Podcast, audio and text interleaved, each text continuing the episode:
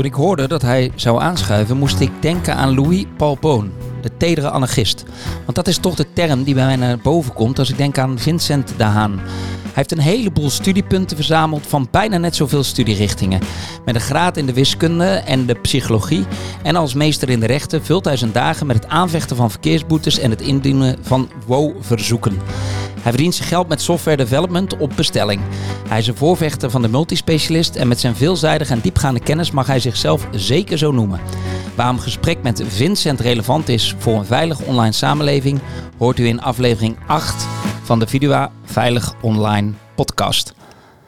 Vincent, welkom.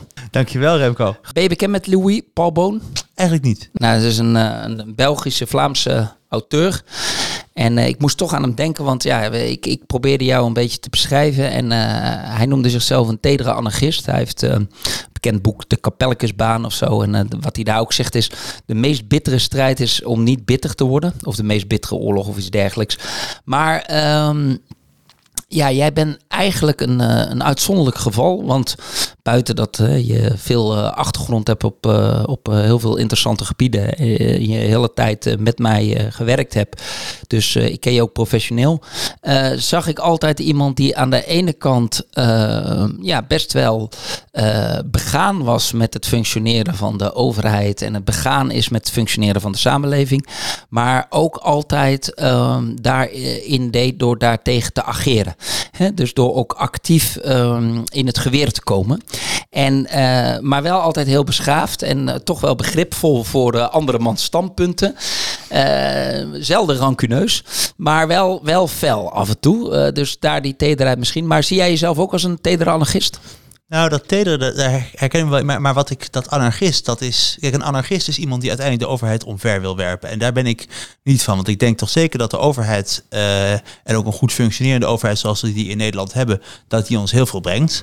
Alleen ik denk uh, dat het heel naïef is om te denken dat de overheid uh, altijd maar alles goed doet en het beste met ons voor heeft. En dat als dat dan een keer niet goed gaat, dat dat een incident is. Ik denk dat je altijd je ervan bewust moet zijn dat de overheid vriendelijk en beleefd is tot ze daar geen zin meer in heeft. En dat je dan als burger in één keer 10-0 achter staat. En dat je dus altijd heel scherp moet blijven en moet weten dat de overheid eigenlijk altijd met een mes op de rug, uh, achter, achter zijn rug staat. Ja. Wat, wat op één moment naar voren kan komen. Maar daarmee dus niet gezegd dat ik de overheid af wil schaffen. Maar ik wil de overheid wel altijd heel scherp uh, in de gaten houden. Controleren. Controleren. En je doet dus ook uh, daarvoor, uh, ja, als toch een soort hobbymatig mag ik wel zeggen, een bovenzoeken indienen. Ja, ja, dus dat is hobbymatig in de zin dat ik er niet, dat ik er niet voor betaald word. Maar ik, ik doe dat wel, ja ja, wel regelmatig en ook uh, langdurig. Ja, wel, en want wat even voor de luisteraar, WO-verzoek. Ik denk dat veel mensen het WOP-verzoek nog kennen. Ja. Wat, wat is het? Ja, nou de WO is dus de Wet Open Overheid. Dat is eigenlijk de opvolger van de WOP. Uh, het bekt wat minder lekker, maar het is eigenlijk uh, op, op hoofdlijnen hetzelfde. En je kunt dus aan de overheid vragen van... hey overheid, geef mij eens stukken over dit of dat onderwerp. En dan uh, in principe heb je de recht op om die te krijgen... tenzij allerlei welgedefinieerde uitzonderingen van toepassing zijn. En jij, jij kiest daar onderwerpen uit waarop jij dat doet. En uh, niet zelden, want ja, wat ik zei, je bent bij ons uh, begonnen ooit als uh, multispecialist. Maar daar gaan we het straks nog over, over hebben. Ehm, maar je bent beroepsmatig een, een ZZP'er software developer, kan mm -hmm. ik het zo zeggen? Ja. dus je wordt ingehuurd voor software. Dus je zoekt denk ik vaak ook onderwerpen die ook een beetje in dat, in dat specialisme zit. Waaronder, jij hebt een bovenzoek um, ingediend op de, de encryptie rond WhatsApp, toch? Ja, ja, dus inderdaad wat je zegt. Ik heb ook wel, wel eens verzoeken gedaan over dingen waar ik dan bijvoorbeeld heel boos over, over was, maar die dan eigenlijk buiten mijn specialisme lag, lagen. En dan viel het me op dat ik wel heel veel stukken kreeg. En dat ik eigenlijk niet zo goed kon beoordelen of daar nou schandalen in verborgen zaten. Dus ik probeer inderdaad vooral dingen te vragen over iets waar ik ook inhoudelijk wat van af weet, zoals inderdaad die encryptie uh, van WhatsApp. Ja, en wat was daar, uh, uh, hè, hoe kwam je dit op het spoor en, ja. en wat was daar aan de hand? Ja, nou, een aantal jaar geleden zat Ferdinand Grapperhaus, toenmalig minister van Justitie, zat bij Nieuwsuur. En die kondigde toen aan dat hij het eigenlijk wel heel raar vond dat als boeven telefonisch boevige dingen zei, tegen elkaar zeiden dat ze dan getapt konden worden. Maar dat als ze via WhatsApp dat deden, dat ze dan niet getapt konden worden. En hij zei, daar ga ik wat aan doen. Alleen dat is niet een juridisch probleem. Het is een technisch probleem, want WhatsApp gebruikt end-to-end encryptie. Dat wil zeggen dat ook WhatsApp die berichten niet kan lezen. Dus je kan, een rechter kan wel een bevel aan WhatsApp geven dat je die berichten wil hebben, maar ja, het kan gewoon niet. Ehm, en uh, toen heeft de, de minister eigenlijk jarenlang tegen de Tweede Kamer gezegd van ik ben een onderzoek aan het doen naar de mogelijkheden om uh, een oplossing te vinden waarbij het encryptie in stand kan laten en toch die, die tap kan doen. Ja, en, en je zou dus de tap niet ertussen kunnen doen. Wat je zou moeten doen is een stukje malware op die telefoon of zo. Waardoor je, hè, dus dat, zo zou dat technisch eventueel kunnen. Waardoor je als het bericht daar ontsleuteld uh, leeft dat je dan eraf zou sniffen? Nou, er zijn heel veel verschillende technische oplossingen gesuggereerd. Je zou ook eens gewoon, zeg maar, iedere WhatsApp-gesprek een, een WhatsApp-groep met drie mensen kunnen maken, waarvan één, zeg maar, een placeholder is voor de politie. Je kunt, uh, je kunt iets met key escrow doen. Er zijn heel veel manieren om dit probleem aan te vliegen, maar al die manieren hebben wel tot gevolg dat je die encryptie op een manier verzwakt. Ja, dus dat is wat ik, wat ik bedoel. Maar wat ik zei was, was, was ik deed een poging exact, ja, dus, om er één te verzinnen die, die dan niet de encryptie uh, uh, aanviel. want, want zodra een bestand leeft, dus als jij het kan zien op je telefoon, op dat moment leeft het op een bepaalde manier zonder encryptie. Dus kun je, kun je het, zou je het kunnen afsniffen van die telefoon. Maar ertussen gaan zitten. En, en eh, of berichten vanaf de server waar die berichten langs gaan uh, later openbreken. Dat kan nooit zonder de encryptie aan te vallen. Nou ja, dat is dus een semantische discussie waar men toen in, in terecht gekomen is. Want maar eh, toen, toen kreeg ik, je vroeg waarom ik, hoe ik hierop kwam. Dus ik dacht toen een jaar later van, nou, dat lijkt me interessant. Als die man een onderzoek doet, zou ik wel willen weten wat hij dan onderzocht heeft. Leer ik misschien ook nog wat van. En ik denk, nou, die zal wel met universiteiten gesproken hebben, cryptografen uitgenodigd, met op de koffie, weet ik het. Uh, dus ik ben gaan vragen naar de stand van dat onderzoek. Nou, en wat ik toen ontdekte, daar werd ik niet heel vrolijk van. Want wat was de stand van het onderzoek? Er was helemaal geen onderzoek gedaan. Er was alleen een, een, klein onderzoekje gedaan bij de politie om vast te stellen hoe, uh, bezwaar, hoe hinderlijk die encryptie eigenlijk was. Nou, uh, die was best hinderlijk, maar goed, dat kon ik ook wel raden. Want het is, nou, het is makkelijker om boeven te vangen als je hun appjes wel mee kan lezen dan als je het niet kan. Um, en verder, wat men aan het doen was, was een wetsvoorstel schrijven waarin die encryptie eigenlijk gewoon verboden werd. Uh, en omdat men ook wel inzag dat dat niet door de Tweede Kamer heen zou komen, had men bedacht om dat eigenlijk aan het wetsvoorstel over 5G te plakken. En het dan een beetje laat uh, in te dienen en dan zeggen van ja, maar nu moet het wel door. En niet zeuren. Oké, dus er was ook nog een strategie van hoe krijgen we die wet uh, met enige soepelheid door die Kamer. Die eigenlijk weinig te maken had met de inhoudelijke uh, uh, standpunten, maar ja. meer met we voeren de druk op van iets van een groot wetgevingstraject, wat, wat, waar, waar veel druk op zit dat het door moet gaan. Exact. En dan weaselen we dat erin. Exact. En ja, ik uh, beschouw dat toch als, als je dan zegt, ik ben een onderzoek aan het doen en je bent in feite een wetsvoorstel aan het schrijven, ja, dat noem ik gewoon liegen. Dus jij werd daar uh, getriggerd. Jij dacht dat is liegen. Daarna heeft NRC dit opgepakt. Ja, NRC heeft daar een uh, groot artikel over geschreven.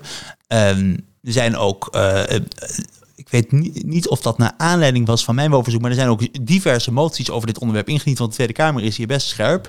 En die zeggen steeds van we willen het niet, we willen het niet, we willen het niet. Alleen ze formuleren dat dan steeds zo dat die ambtenaren toch nog een heel klein beetje ruimte zien om er dan toch mee door te gaan. En wat, wat is jouw inhoudelijke bezwaar?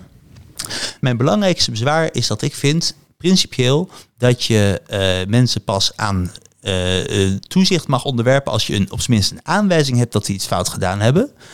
Uh, en dat je gewoon, ja, ik bedoel, wat ik op mijn telefoon installeer is tussen WhatsApp en mij.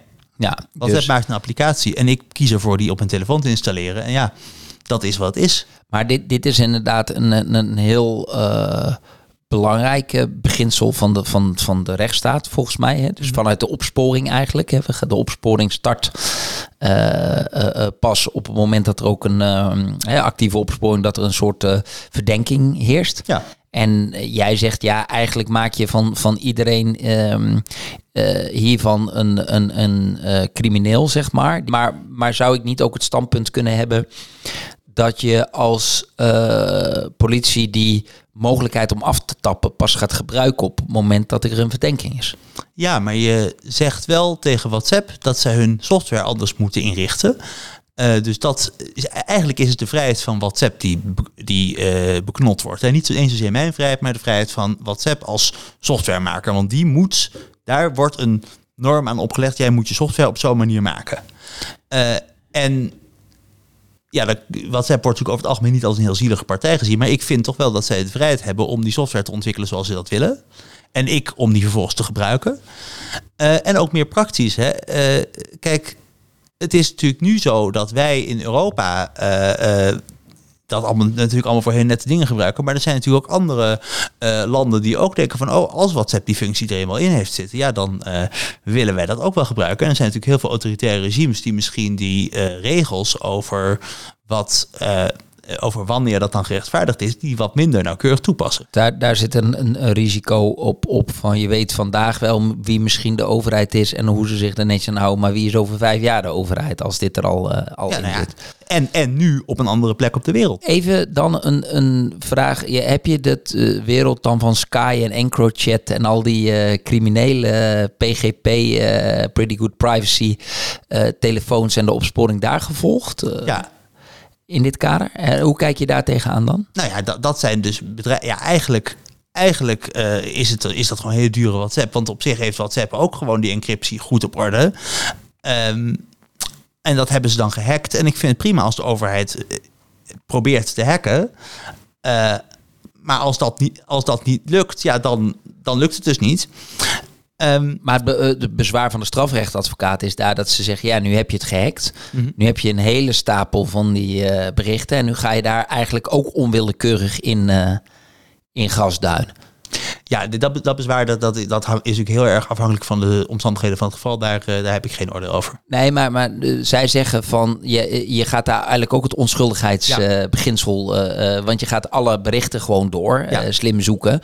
Ehm, hoe ze dat volgens mij op hebben gelost, is dat ze hebben gezegd: iedereen die hier gebruik van heeft gemaakt met een pseudoniem, die zegt: eh, eh, luister, dit ben ik. eh, en eh, ehm, ik heb het eh, in good faith eh, gebruikt. Stuur ons even dan eh, een berichtje. Dan zorgen we ervoor dat we jouw berichten niet, eh, hè, eh, Ja. niet gaan onderzoeken. En daar is even niemand op gereageerd. Nou, daar ben, kijk, de vraag is natuurlijk, en ik weet dat eigenlijk gewoon niet, dat EncroChat, wordt dat nou echt alleen maar door boeven gebruikt? Of zijn er ook heel legitieme toepassingen? Zijn er legitieme de, de legitieme toepassing die we steeds wordt genoemd is natuurlijk, je zit een beetje in de vertrouwensberoepen, misschien advocaten zelf, maar daar wordt steeds ontkend dat ze er een hebben gehad. En ehm, eh, journalisten. Ja. Journalisten is altijd het gebied hè, waar ze van zeggen, waar mensen ook zeggen van ja, die moeten we beschermen. Ook Ja. tegen de overheid, want die kunnen ook iets op spoor zijn wat die overheid raakt. Nou, zeker, maar ik hoor dus heel veel journalisten die op Signal zitten. Maar ik hoor nooit zoveel journalisten die op EncroChat zitten. Maar ik weet, ik weet dat gewoon niet. Nee, nee dus de praktijk wat ik daar gevolgd heb, is de praktijk dat, dat, dat ze dus hebben gezegd, nou ben je nou journalist, eh, meld je even, dan eh, Ja. houden we daar rekening mee. En daar heeft niemand op gebeld en gezegd, Ja. joh, ik had dit pseudoniem, want, want dat klopt. Hè. Kijk, eh, er zijn de, de- deze ehm, servers die waren eh, relatief, wat jij zegt, eigenlijk relatief duur voor de dienstverlening. Eh, en en ehm, als jij niet een hele grote actieve opsporing achter je broek aan hebt, Ja. kan je met, met eh, goedkopere oplossingen eigenlijk dezelfde mate van veiligheid wel, wel, wel behalen. Ehm, of in ieder geval een proportionele manier van veiligheid. ook als je journalist bent. Dus ik denk ook dat, het, dat er in de praktijk met name criminelen achter zaten die dat gebruikten. Oké, en wat heeft het jou nou? Is dit nou eh, afgesloten, dit eh, traject? Of loopt dit nog? Of hoe, hoe, waar, zit je nu? Nee, dit, dit, dit, dit blijft denk ik nog, nog jaren etteren.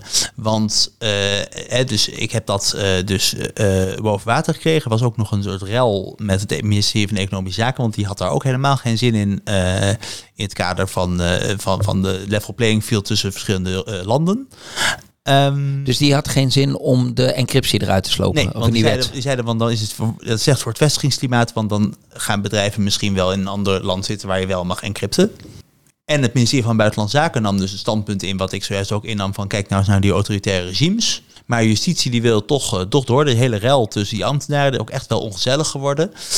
Ehm, maar ik ben daar dus een jaar later gewoon weer aan het trekken. En, en een jaar later nog een keer.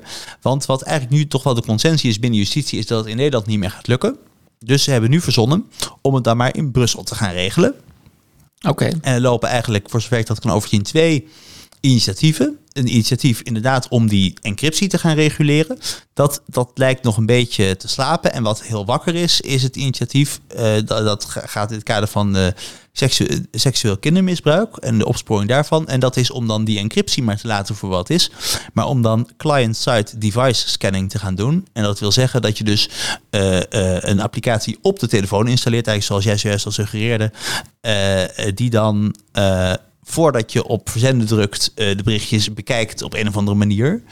Eh, en ja, daar ben ik zo mogelijk eh, eh, nog meer tegen. Maar jij zegt op de telefoon, is dat dan verplicht dat iedereen dat dan op zijn telefoon moet dat, hebben? Dat zal dan een onderdeel van de WhatsApp-applicatie worden. Ja, oké. En ehm, jij bent daar tegen. eh, wa- wat zijn daar de inhoudelijke gronden buiten dan dat, eh, dat WhatsApp iets extra's moet maken? hè? Dus zitten daar nog aanvullende gronden? Nou ja, en dat je dus eh, wederom iedereen, iedereen dus eigenlijk als verdachte beschouwt. En dat het risico op vals positieve nog groter is. Want als je zegt, je mag WhatsApp aftappen, maar we doen het alleen als je in beeld komt, dan, nou goed, dan verandert er voor mij vermoedelijk niet zoveel. Want ik ben volgens mij vermoedelijk op dit moment niet verdachte van een strafbaar feit.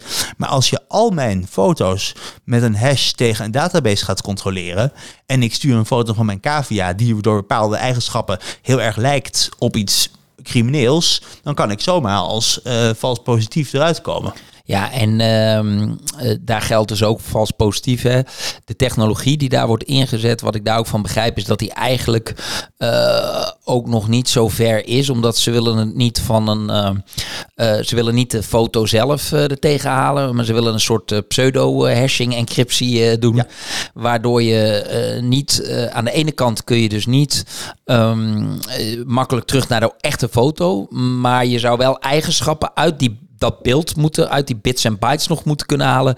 Die een aanwijzing geven of daar iets strafbaars op staat. Ja, nou ja, de gedachte is dus inderdaad dat er niet een cryptografische hash gemaakt wordt. Want dan, als er maar één bit anders is, heb je gelijk een hele andere hash. Dus dat is niet praktisch. De gedachte is dat we zo'n soort hashing-algoritme hebben. waarbij je dus inderdaad cavia's van kinderporno zou moeten kunnen onderscheiden. En meestal gaat dat natuurlijk goed. Maar ja, dat, is nog niet zo, dat, dat werkt nog niet zo goed. Nee. En je ziet dat ook wel. Hè. He- ik bedoel, Heel veel mensen kennen natuurlijk wel een voorbeeld van een foto op Facebook die ze zetten die eigenlijk onschuldig is. Gewoon met iemand in bikini op een strand of zo. En dat dat dan toch tegen de community-richtlijnen is. Nou goed, op Facebook gaat het om semi-openbare foto's. Maar op het moment dat je dus gewoon in een privégesprek tegengeworpen krijgt dat je je niet aan de community-richtlijnen zou houden. Ja, dat is natuurlijk heel, heel vreemd. Ja, je, je, de, je krijgt een beklotting en het is natuurlijk ook een...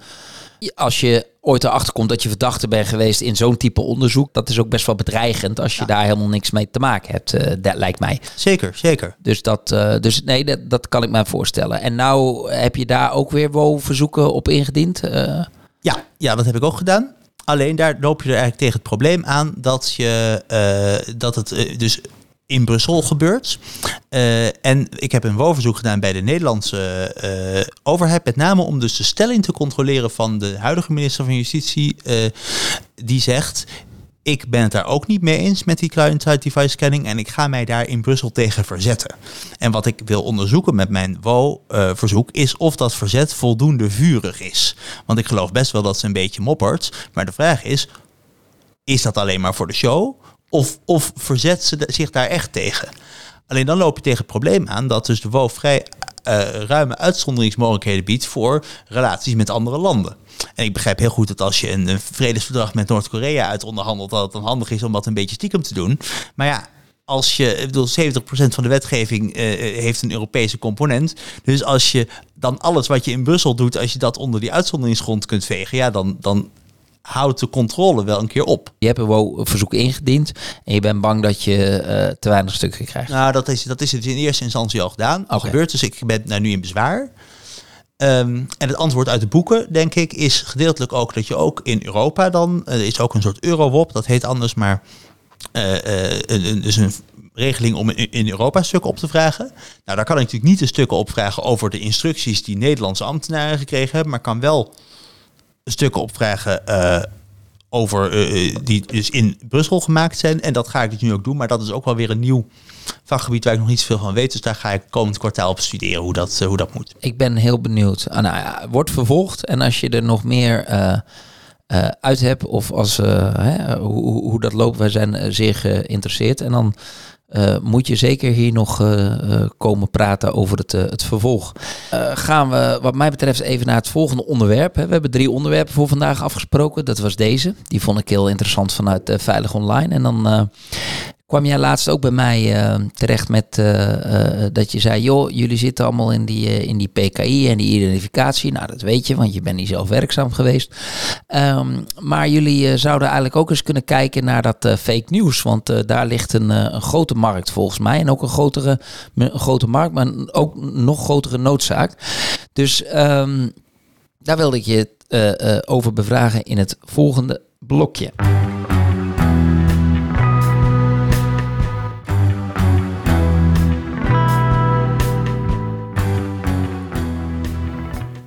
Fake news. Vincent, is het een probleem? Ja, nou, ik vind het woord fake news eigenlijk, eigenlijk altijd een vervelende term, omdat fake news heel vaak een, een, stok is om mee te slaan als je het ergens niet mee eens bent. Maar wat wel een probleem is, dat zijn uh, uh, AI-gegenereerde afbeeldingen. Uh, afbeeldingen en video's en, misschien. En, en, en bewegende afbeeldingen en video's, ja zeker. Want die zijn, worden natuurlijk vaak gebruikt ter, ter onderbouwing van een of andere stelling. En ja, als iets op een foto staat, ja, wie ben ik dan om te zeggen dat het niet waar is? Ja, eh, dus wij hechten grote waarde aan audiovisuele beelden. Ja. En eigenlijk hechten we misschien momenteel zelfs uh, te grote waarde eraan. Ja, tot een paar jaar geleden ging het heel goed, want het was toch wel heel moeilijk om een, uh, om, om een foto te maken die niet uh, die iets liet zien wat niet eh, echt was. Meestal had je dan toch op zijn minst een camera en een soort acteur nodig. Uh, maar tegenwoordig kun je dus gewoon op je zolderkamertje een foto maken die niet echt is. En kun je dat vaak nog wel een beetje zien, maar dat wordt dus steeds, uh, steeds moeilijker. En heel veel journalistiek is natuurlijk ook wel afhankelijk van, van wat mensen in het veld gewoon fotograferen. Zeker bijvoorbeeld in oorlogsgebieden. Um, en nu gaan we er toch vanuit dat iedereen die foto's maakt, dat hij dat toch met zijn telefoontje gedaan heeft. Maar als we, ja, het is heel goed mogelijk dat daar toch ook steeds meer uh, gegenereerde foto's doorheen komen. En heb jij nou, uh, ik heb zeg maar een soort. Als, als dan, als dan de Russen met een filmpje komen, dan staat er heel vaak, heb ik dan ook het gevoel van, oh, dat kijken wat ze nu weer in elkaar hebben geklust. En, en, en dat is dan toch, ook om eerlijk te zijn, toch vaak ook wel echt fake en, en knullig, toch? Bedoel, dat, is best wel vaak dat ze zeiden van... ja, maar die, die persoon, de, de, de, kijk eens daarna... of het is een heel ander moment genomen... of die claim die klopt niet. Maar dat ik daar toch ook, ook vaak nog wel heel erg denk... misschien ook wel naïef van... oké, dan, dan zal het in elkaar geklust zijn. En als ik nieuws zie op NOS van anderen uh, ja, wordt, wordt gedaan. En staat er soms bij, het kon niet geverifieerd worden. Maar dan zie ik die beelden en dan heb ik daar toch, als het van de ally-kant komt, zeg maar, dan een, een, een meer sneller het idee dat zal wel, wel goed zitten nog. Uh, ja, maar kijk, ik, ik, ik beschuldig de NOS ook helemaal niet ervan dat ze die AI-tool gebruiken. Hè? Nee, dat denk ik maar ook niet. Maar het is meer, de, zij krijgen weer foto's aangeleverd, uh, volgens mij door Reuters of hoe heet die clubs ja, allemaal. Of ze, of ze, kijken op Twitter. Hè? Uh, kijk, heel veel foto's die zeker in, op plekken waar het niet zo handig is. Kijk, als je een demonstratie hebt op de Dam, dat daar dan een beroepsfotograaf van Reuters bij is, die je kunt vertrouwen, nou dat geloof ik wel. Maar er zijn natuurlijk op heel veel plekken waar het een beetje spannend is, ben je afhankelijk van burgerfotografen die af en toe ergens een foto van maken. Hartstikke handig dat tegenwoordig iedereen een camera in zijn zak heeft. Maar als over een paar jaar ook iedereen een AI-engine in zijn zak heeft, ja, dan bestaat natuurlijk de mogelijkheid dat iemand uh, een, een, een tussen aanhalingstekens foto's op Twitter gooit wat geen foto is. Ja, het is nog niet zo lang geleden. Dus dit, dit is dan in de broadcast. Hè, dus we gooien iets op Twitter en iedereen ziet het. Nog niet zo lang geleden las ik ook inderdaad een nieuwsbericht dat je al de, de AI WhatsApp eh, spoofing hebt. Hè. Dus dat ze een, een filmpje maken met het hoofd van de voorzitter eh, van eh, de voetbalclub of zo was het, geloof ik. En die, die vroeg dan van, goh, kun je me even geld overmaken aan de, aan de penningmeester? Want uh, we hebben, we hebben een, even een probleem en we moeten dat bla bla bla. Hè. Dus dat is zo'n bekende spoofing, maar dat ze dus dat ook al op een persoon inzetten. Uh, ja, en dan weet je ook niet van wie dat filmpje afkomstig uh, is, maar de persoon die erop staat, die lijkt op de voorzitter. Hè? En die heeft ook de stem van de voorzitter. Ja, zeker. En er gebeurt natuurlijk ook heel vaak dat uh, politici iets zeggen, of dat discussie is, of een, politici, politicus op een bepaalde dag iets gezegd heeft. En als je dan een, een filmpje kunt, uit je hoed kunt toveren, waarop een politicus schijnbaar dat zegt, dan kan dat heel veel in beweging brengen. Ja, want, want daarvan is het vooral het weerleggen is ook weer heel lastig. Hè? Want mensen onthouden toch dat Ja. beeld. Eh, je noemt dat volgens mij het Mandela-effect. Heel veel mensen denken dat Mandela is, eh, is overleden in de gevangenis, wat, wat niet waar is.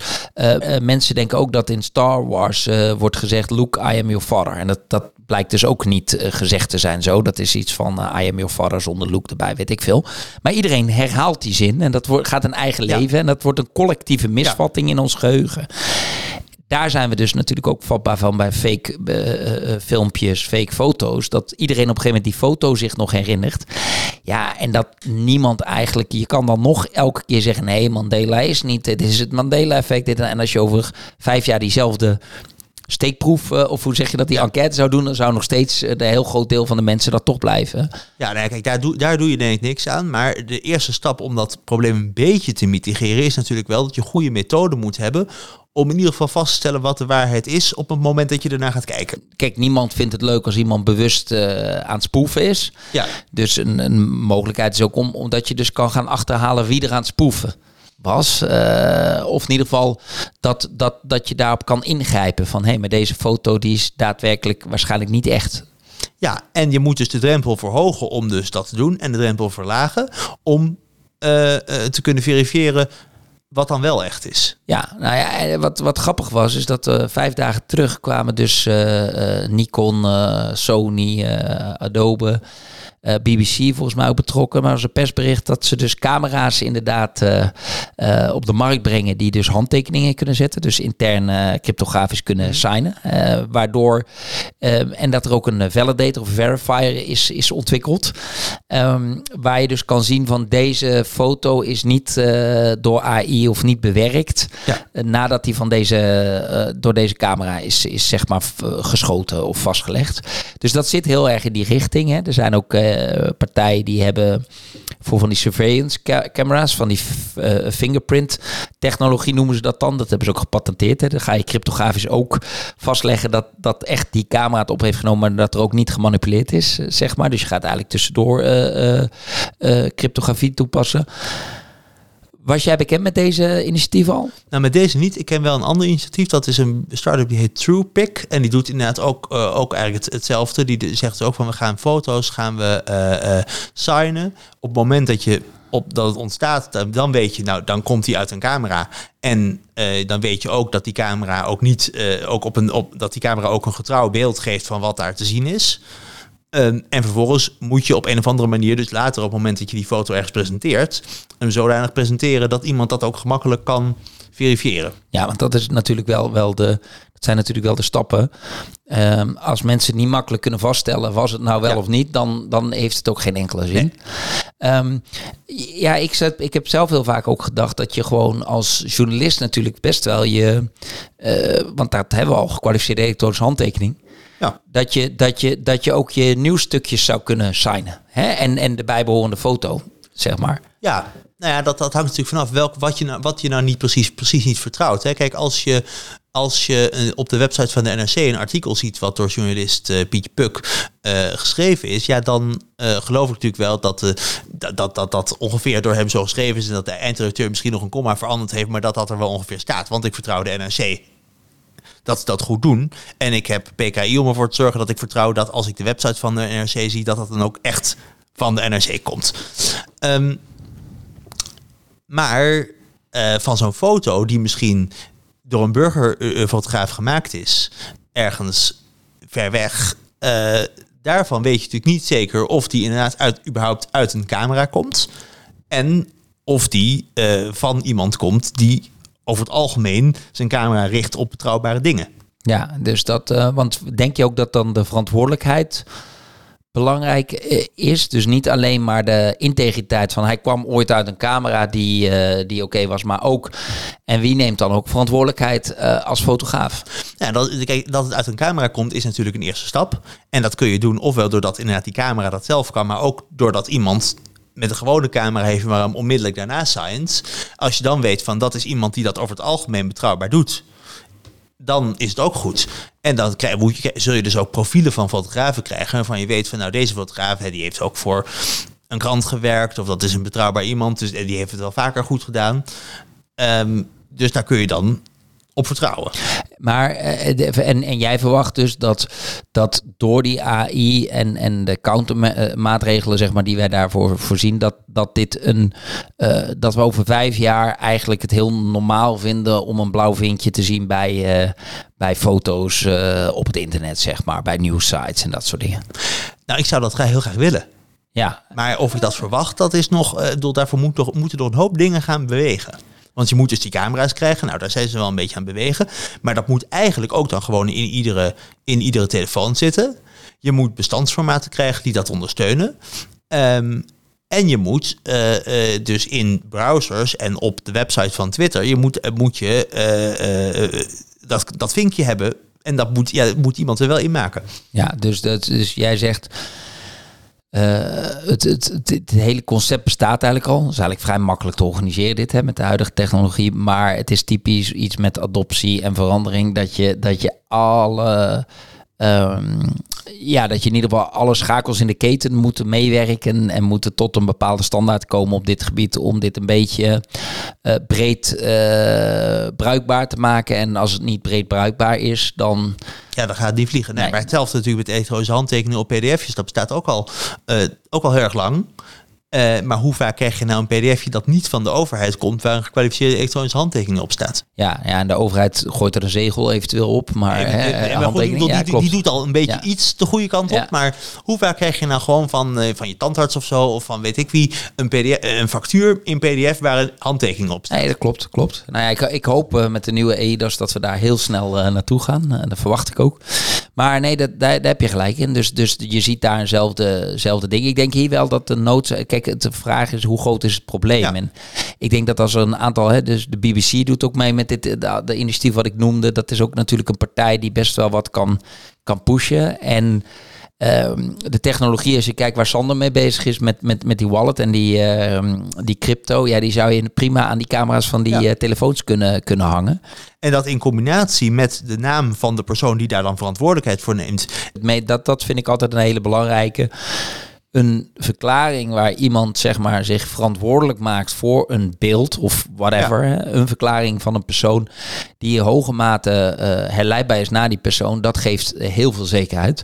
Want niemand wil zijn goede naam te gabbel eh, gooien. En je kan dan in ieder geval ehm, zeg maar al differentiëren tussen... oké, dit is een persoon die we niet kennen. eh, nou, weinig waarde. Of het komt uit de camera, zekere waarde.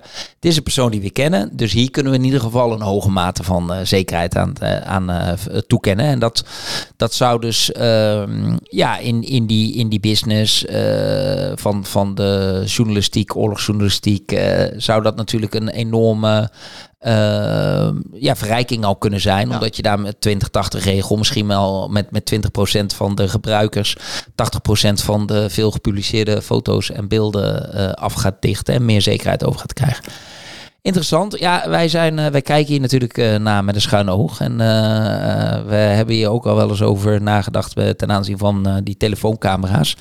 Ook de groene vinkjes, dus het makkelijk kunnen ondertekenen. Je kan er gewoon eh, eh, ehm, plaatjes ook ondertekenen. Ehm, dus ik ben benieuwd. We gaan het zien. Over een vijf jaar spreken we elkaar weer. En dan eh, sowieso. en dan eh, is het eh, hele WO-verzoek over encryptie en zo. Dat is al helemaal afgerond. Maar misschien zitten we dan net in een brede uptake van de, van de foto-images. Ehm het is wel, grappig om met elkaar over dit soort dingen te praten. Want in het, in het laatste blokje, jij noemt jezelf eh multispecialist. Eh, je bent ook groot voorvechter van de, van de multispecialist. En dit is nou typisch ook zoiets waar je dus eh, een, een eh, vakgebieden als fotografie, digitalisering, assurance, recht, alles bij elkaar krijgt. En ja, als je daar op, op, op door wil itereren, heb je misschien van die multispecialisten nodig. Dus ik wilde eigenlijk in het, in het laatste blokje met jou eventjes het hebben over dat begrip en waarom jij er zo'n eh, voorvechter voor bent. En wat ik dan natuurlijk belangrijk vind, waarom het voor ons veilig online zaken doen of eh, participeren in de e-samenleving zo belangrijk is om van die multispecialisten te koesteren.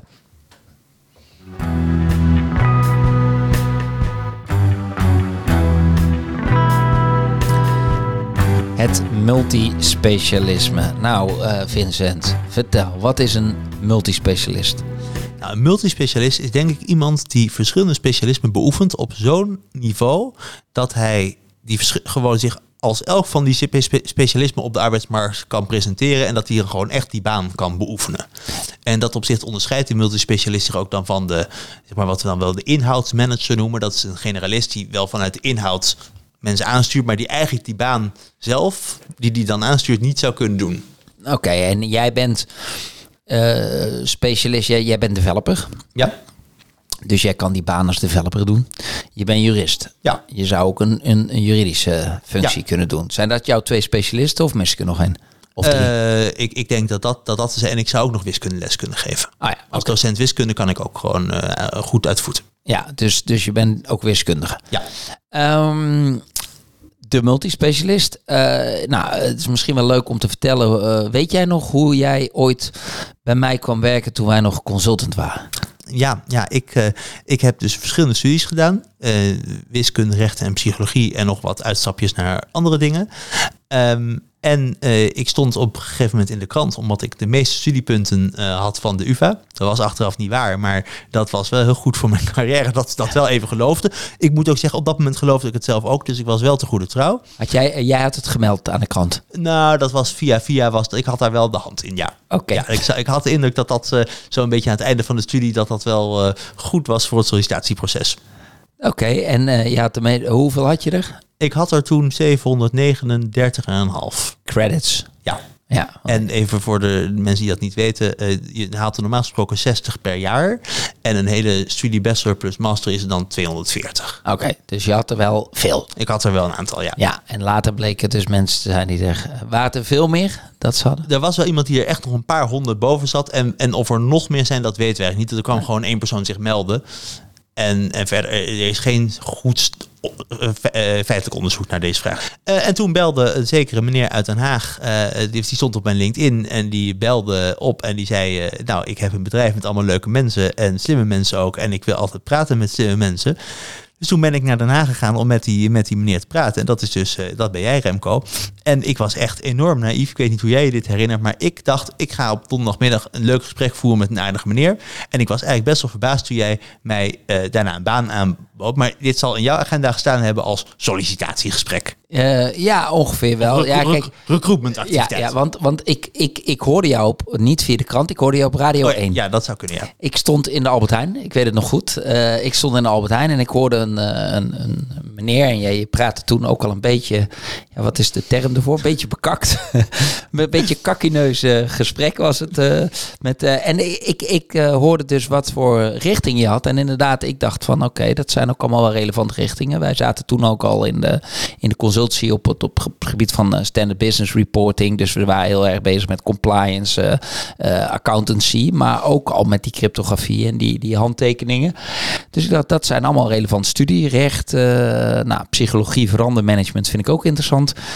En ik heb je inderdaad een LinkedIn berichtje gestuurd. En ik was toen helemaal van, oké, alles wat... Um, alles wat zeg maar bij ons binnenkomt uh, kan komen. Die, uh, die gewoon uh, weet wat, wat, wat hij of zij wil in het leven. Ehm, voldoende inhoudelijke kennis heeft. En een beetje ja, het, het leuk vindt om complexe vraagstukken op te lossen.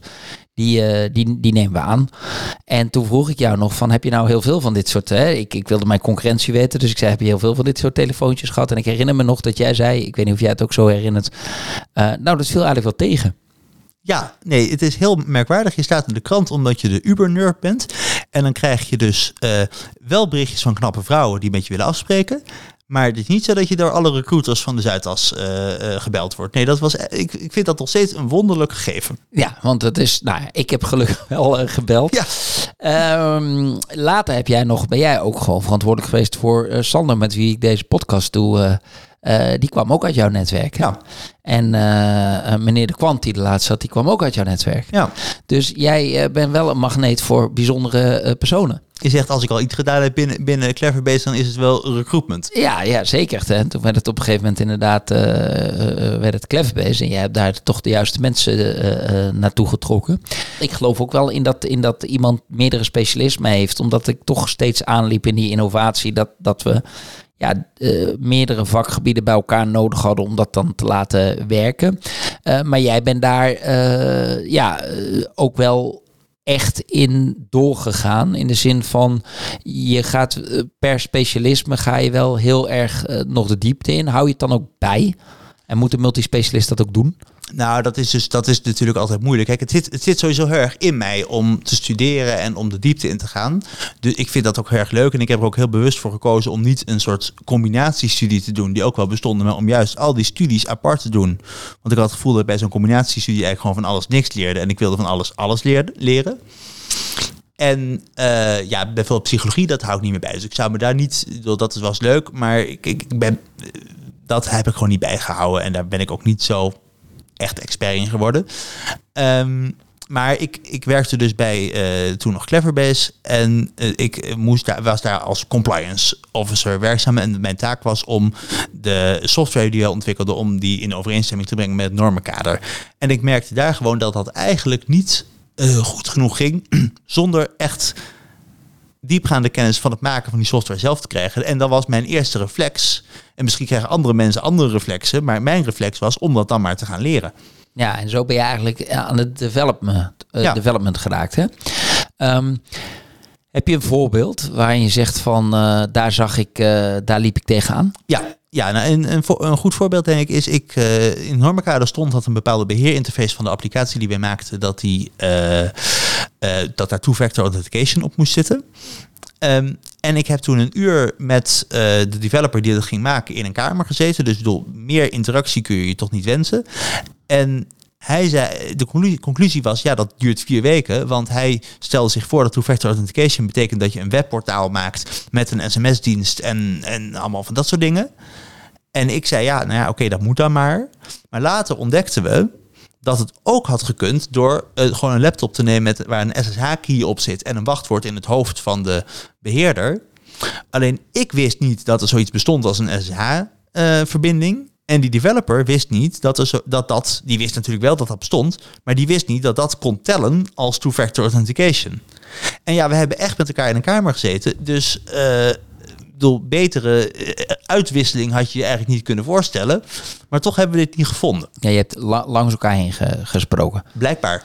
En eh, zit daar ook een aspect van creativiteit in? Want, want eh, ja, ik heb ook wel eens, hè, ooit was het verhaal van we moeten functiescheiding doen. En dan knipte ik gewoon het wachtwoord in twee, bij wijze van. Ja. Hè, dus nu jij een stukje invoegen, dan jij een stukje invoegen.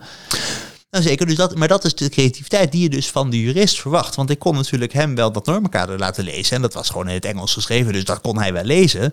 Alleen hij kon het niet lezen met de bril van een competente jurist. Die inderdaad altijd op zoek is naar hoe je nou, eh, die, die dit type creativiteit heeft. Ja, oké. Dus en doordat jij eh, je eh, dus in al die code en die development en, en met name van hè, wat bestaat er nou op dat codegebied, te, te, doordat je daar de diepte in bent gegaan, kun jij op dat snijvlak, vind jij veel ja, tot oplossingen komen Ja. waar eh, de, een, een team niet toe zou komen. Ja, Is dat, ehm, geldt dat zeg maar vooral voor dit type business waar we heel technisch zijn? Of denk je dat het in de breedte geldt voor ieder? eh, ik, denk, ik denk dat het in de breedte bij heel veel organisaties geldt dat je toch altijd wel zo iemand hebt die dan eh, het orakel genoemd wordt en die, die, eh, die, die eigenlijk van alles alles weet. En dat je die ook daarom moet waarderen. Maar zeker in die informatiebeveiligingsbusiness, omdat het dus vaak en heel technisch is. En er ook allerlei, allerlei juridische aspecten aan zitten. En ook vaak nog psychologische aspecten. En eh, het, is, het is gewoon best wel een interdisciplinair vakgebied. Dus ik denk dat dat zeker hier eh, misschien wel meer een rol speelt dan als je gewoon een game developer bent. Kijk, die multispace, dat is niet voor iedereen weggelegd. Nee. Zou je in dit vakgebied waar wij nu zitten, zou je niet op een gegeven moment ook dat de hoofdproblemen opgelost zijn, dat daar dan een soort eh, body of knowledge ontstaat eh, eh, en dat je dus zo'n bedrijf kan runnen zonder zo'n multispecialist? Nou, ik denk, ik denk dat je er altijd wel een paar, paar nodig hebt. Alleen je hebt natuurlijk, natuurlijk niet iedereen hoeft dat te zijn. En je hoeft ook helemaal niet dat tot streven te hebben. Ehm, want één zo'n multispecialist kan natuurlijk een heel clubje gewone specialisten en een clubje generalisten heel goed bezighouden. Eh, en dat is, eh, de, die, die multispecialist is dan een beetje de lijm tussen Ja, die, die, die verschillende eh, specialisten. precies. En als hij dan na een tijdje, want goed, ik was natuurlijk multispecialist toen ik van de universiteit afkwam, maar toen had ik nog heel weinig arbeidsvolwassenheid. Maar later leerde ik ook wel dat ik op het goede moment dan even mijn oren moest spitsen en op het goede moment even moest denken van hier moet ik ingrijpen. En ook op heel veel andere momenten dat juist niet moest doen. Dus je leert ook wanneer je specialisme, je multispecialistische vaardigheden nodig zijn Exact. en wanneer, wanneer niet. Exact. En dat is iets wat inderdaad met ervaring komt. En wat is, wat is, jouw, wat is jouw grootste... eh, to- to- hè, want jij zat in die secure software development, hè, waar wij ook eh, allemaal in zitten. Toen ging jij op een gegeven moment bij ons echt zelf eh, intensief developen.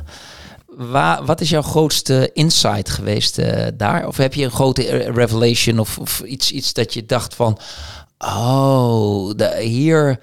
eh, daarom doen ze dit zo. Of, hè, want je krijgt denk ik ook meer begrip oh, voor, voor de developer die zich misschien soms uit compliance vraagstukken wil wegwiezelen. Mm, Heb je zo'n moment gehad? Nou, wat ik wel gehad heb, is dat ik toch echt wel doorhad dat er dus dat de wereld echt wel heel anders werkte. Omdat developers mij in hun poging om mij te beschrijven hoe dingen werkten, toch wel abstracties bedachten die ongetwijfeld heel goed bedoeld waren om mij eh, eh, als leek daar dan over te vertellen. Maar dat het toch ehm, wel anders werkt. En een voorbeeld daarvan is bijvoorbeeld in het netwerk. Hè. Dus heel vaak zeggen we, heel vaak zeggen mensen dat er een fysieke kabel ligt tussen de ene server en de andere server. En dan bedoelen ze daarmee als, op, als ware benadrukken dat dat op een heel laag niveau in het, in het OC-model afgeschreven zit. Maar het is gewoon echt niet zo in een datacenter dat er fysieke kabels tussen servers lopen. Die servers zitten gewoon allemaal op het netwerk van de datacenter. En, en vervolgens wordt in de switch van het datacenter wordt dan in de firewall-regels bepaald dat dan servers aan elkaar geknoopt zijn. Ja, dus die zijn eigenlijk logisch aan elkaar geknoopt en niet eh, eh, fysiek technisch. Exact, maar ze gebruiken dan toch het woord fysiek om dan eh, als het ware te benadrukken dat dat wel logisch is en dat dat wel logisch is op een heel laag niveau. Maar het, ja, fysiek, dan heb ik toch zoiets van dat het echt een kabel is die ik met een tang door kan knippen. Ja, ja, dus ja, eh, het is eigenlijk, eh, de, want, want waarom jij dit voorbeeld aanhaalt is vanuit Secure Software Development.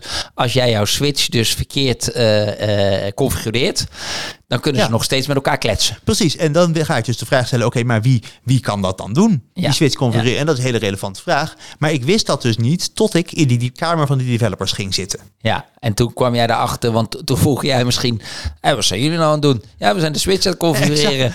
Exact. Ja, waarom doe je dat dan? Of laat die kabel eens zien. Ik ben ook wel eens in de datacenter geweest. Ik zeg, nou laat die kabel dan eens zien. Ja, die was er niet. Maar is dit, is dit ook niet, hè? Want, want jij zegt nou, nou hè, dus dit is wat je dan leert, hè? En dan vervolgens neem jij dat, neem jij dat mee. Ehm, is dit nou ook niet iets wat je sowieso, hè, als je het hebt over multispecialisme, dat mensen ook te, te snel dingen eh, aannemen? Eh, dus, dus wat jij zegt, als er een bepaald woord wordt gebruikt, of dat, dat men dan denkt, oh ja, dat, ik maak daar een voorstelling van klaar. Eh, dat jij ook iemand bent die veel dieper gaat, zeg maar. Nou, ik denk dat dat in het, algemeen, in algemeenheid ook wel is dat ik inderdaad altijd dieper ga. Dus bijvoorbeeld ook als, als eh, heel vaak staat er in de krant dat de wet eh, zegt dat iets niet mag. Nou, dan zoek ik die wet er dus altijd wel bij. En dan in 9 van 10 gevallen is het toch net iets anders dan dat die journalist dat opschrijft. Dat, eh, dit is een heel bekend vraagstuk en probleem ook als je in een sterk gereguleerde business zit. Is dat men heel vaak, ja, heb jij het hier ook vaak gehoord, denk dat mag niet van de, Ja. mag niet van de norm. Mensen hebben heel en mensen gebruiken dat vaak ook om hun eigen persoonlijke doelstellingen, hun managementdoelstellingen. Eh, de norm wordt heel gauw een stok om mee te slaan. Eh, in ofwel de goede richting, ofwel in een richting die iemand persoonlijk leuk vindt. Eh, en er is ook heel weinig mensen die dan zeggen: Oké, maar wijs dan even aan waar dat dan staat in de norm. Ja, want en de- negatieve, dat is een negatieve benadering hè, van men zet dat in. Ik denk dat mensen, de 80% is helemaal zich niet meer bewust van. Want En- ze en hebben dat het ooit een keer zo gehoord. Ja, Hè, want, want, want dat is ook wel de grap. Dan hebben ze zelf ooit een idee geopperd. En daar is op dat mag niet van de norm. Maar ze hebben dat idee heel breed geïnterpreteerd. Misschien was het precies die specifieke. Hè, en dan Exact. leidt dat op een gegeven moment de eigen leven. Daar hebben we met Bas de Kwant ook eh, vrij uitgebreid over gehad. Ehm, moeten we nou als samenleving hier Ja, ik denk het wel. Ik denk dat je dus... ehm, kijk, een aantal jaar geleden ehm, moest de minister van Onderwijs moest bezuinigen. En die heeft toen twee maatregelen bedacht. Eén, dat de tweede studie exorbitant veel duurder zou worden. En twee, dat mensen die langer dan drie jaar studeren of langer dan vier jaar studeren een beetje meer collegegeld moesten betalen. Die tweede maatregel, daar is heel veel tegen geprotesteerd. Die is eigenlijk voor die ingevoerd was alweer afgeschaft. En die eerste maatregel, die bestaat nog steeds. Dus een tweede studie doen, wat ik gedaan heb, dat is nu veel moeilijker.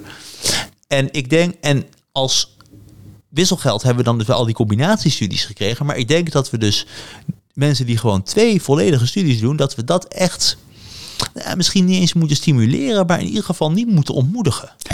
Maar ik heb ook wel vaak eh, ja, ook wel weerstand meegemaakt. Dat als ik het daar met mensen over had van joh, eh, je zou eigenlijk eh, nog een eh, op dit vakgebied of wat dieper ingaan. Dat, dat men, men ja, dat, dat dat ook niet helemaal past meer bij de tijdsgeest dat je jezelf zo bekwaamt in, in, in meerdere vakgebieden. Hè? Mensen reageren ook vaak van oh jee, dat, dat is veel. Terwijl ik denk dat er toch best wel mensen zijn die het zouden kunnen. Eh, Ja, maar ik, ik denk dat het moet ook echt uit jezelf komen. Kijk, ik heb dat studeren gedaan omdat ik dat het leukste vond wat ik kon doen op dat moment in mijn leven. En eh, ik zit nog steeds ook als ik, ik zat op Oudjaarsdag, zat ik een bezwaarschrift, een bezwaarschrift aan het CJIB te sturen en daarvoor de jurisprudentie te bestuderen, terwijl andere mensen oliebollen aan het eten waren. Ja, kijk, ik vind het gewoon echt heel erg leuk om mij dus heel erg te verdiepen in specialistische onderwerpen. En als je dat niet leuk vindt, ja, dan moet je het ook gewoon niet doen. Want je krijgt het niet uit. Je krijgt niet aan je werkgever uitgelegd dat je eh, eh, een hele nieuwe eh, beroepsopleiding moet gaan doen om, de, om een ander vakgebied aan te leren. Dus als je zeg maar, als het zeg maar om bedrijfseconomische rechtvaardiging gaat, dan ga je gewoon een cursus doen om wat je al kunt te verdiepen. Ja? Maar als je het echt heel erg leuk vindt om iets heel nieuws te leren, ja, dan moet je daar ook gewoon je vrije tijd in stoppen. En dan moet je het gewoon doen. Ja, dus jij zegt eigenlijk je moet het niet eh, propageren van wordt allemaal multispecialist, maar je moet vooral zorgen dat de mensen die die interesse hebben, dat die en die vaardigheden en die, die kennis om dat te worden, dat die ook die ruimte krijgen. Ja, en die moet je niks in de weg leggen. Maar inderdaad, je, je kunt mensen dit niet laten worden omdat dat eh, eh, even een cursus is die handig is voor, voor het bedrijf. Nee, maar dan moet je dus wel eh, scherp blijven als werkgever dat als er eentje langskomt, dat je hem aan moet nemen. Moet je aannemen en dan moet je hem ook, ook kijken. En dan moet je misschien ook een beetje flexibel zijn. Want dit soort mensen passen ook niet altijd goed in het salarishuis. En wat, wat is jouw grootste multispecialist held?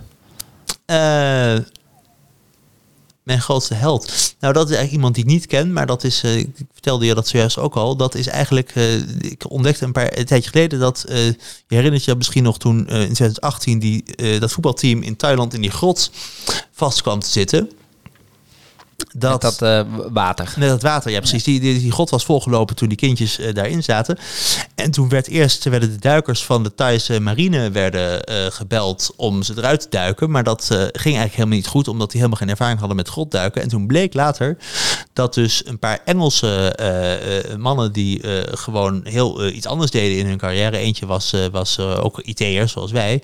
Dat die dus eigenlijk de grote grotduikspecialisten waren. En ik vond dat zo'n fascinerend verhaal, omdat ik me zo goed kon, en het is natuurlijk een heel andere discipline dan waar ik mee bezig ben, maar ik kon me zo goed voorstellen dat je om dat niveau van specialisme te bereiken, dat je daar zoveel zaterdagen aan moet besteden. En dat dus ook ontzettend leuk moet vinden, want anders kom je daar nooit. Om dat niveau te bereiken. En dat je dan dus inderdaad eh, als zeg maar toch amateur eh, dat topniveau kunt bereiken. Ja, ik vind dat wel heel erg inspirerend. Ja, en, en dan vooral het inspireren dat dan die, die ene, dat ene moment voorbij kwam waar je dus je skills eh, tot de uitermate Ja. getest konden worden. En dat, je, dat, dat die personen misschien ook aan hebben kunnen tonen van ja, zonder hè, vanuit een heel goede a- achtergrond van eh, we zijn hier. eh, ehm, ja, we zijn hier gewoon de beste in. Zeker. Eh, of in ieder geval aantoonbaar effectief. Eh, dat is mooi. Eh, Musk heeft zich ook nog eh, toen met die tunnel bemoeid. Die kwam met allerlei wilde ideeën, Ja. geloof ik. Zie je hem ook als een multispecialist? Nou zeker, ja. Nee, hij is natuurlijk ook iemand die, er worden ook wel verhalen dat toen hij dus met, met SpaceX begon, dat hij dus een of andere raketgeleerde had gevraagd om wat boeken over, over raketbouwen. En dat die raketgeleerde had hij voor een stapel boeken gegeven. En tot zijn grote verbazing drie maanden later wist Musk daar ieder detail van uit zijn hoofd te reproduceren. En had hij al gewoon op een kladje uh, eigenlijk het ontwerp van de raketten zoals die nu ook gemaakt zijn, gemaakt. Ja, dat, dat, uh, hè, uh, daar zal misschien een stukje mythologisering in zitten. Misschien. Maar, maar ik heb wel steeds meer het idee bij hem dat hij wel echt ab, abnormaal ja, van, intelligent van, van, en is. En, dat en van Musk is wel echt bekend dat hij dus inderdaad zich inhoudelijk heel erg bezighoudt met het engineering ja, van zijn ja, ja, zeker, zeker. Dat hij zich, hè, dat, dat...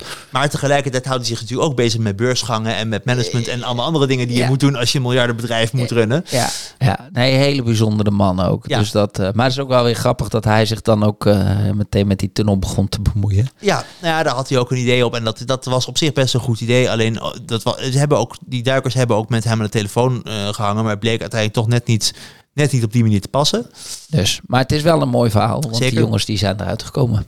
Zeker. Dat lijkt mij een, een goede afsluiting. Uh, ik, uh, ik vond het leuk om je in de podcast te hebben. Um, en uh, nou, we zijn zeker nog niet uitgesproken over een en ander. Dat hebben we al geconstateerd. Hè. We hebben sowieso twee opvolgafspraken over de wovenzoek en de, de fake nieuws. Um, vond je het leuk? Ik vond het heel leuk. Dankjewel dat je mij hebt uitgenodigd. Ja, zeker. Nou ja, we, we kregen een suggestie en dan dacht ik... Nou, meneer De Haan, ja, dat, die kunnen we wel eens uitnodigen. Die weet er ook wel wat van. Uh, top. Uh, nou, voor de luisteraar, dank weer voor het luisteren. Ik hoop dat jullie het leuk vonden. Een, een andere invalshoek vandaag. En uh, als je het leuk vond, laat even een um, rating achter. Of een, abonneer je op onze podcast. Dan krijg je automatisch bericht wanneer er een nieuwe is. Dit hoor je allemaal te zeggen om, om je luisteraars meer luisteraars te krijgen, Vincent. Dus dat doe ik dat braaf. En eh, ja, tot eh, eh, de volgende keer.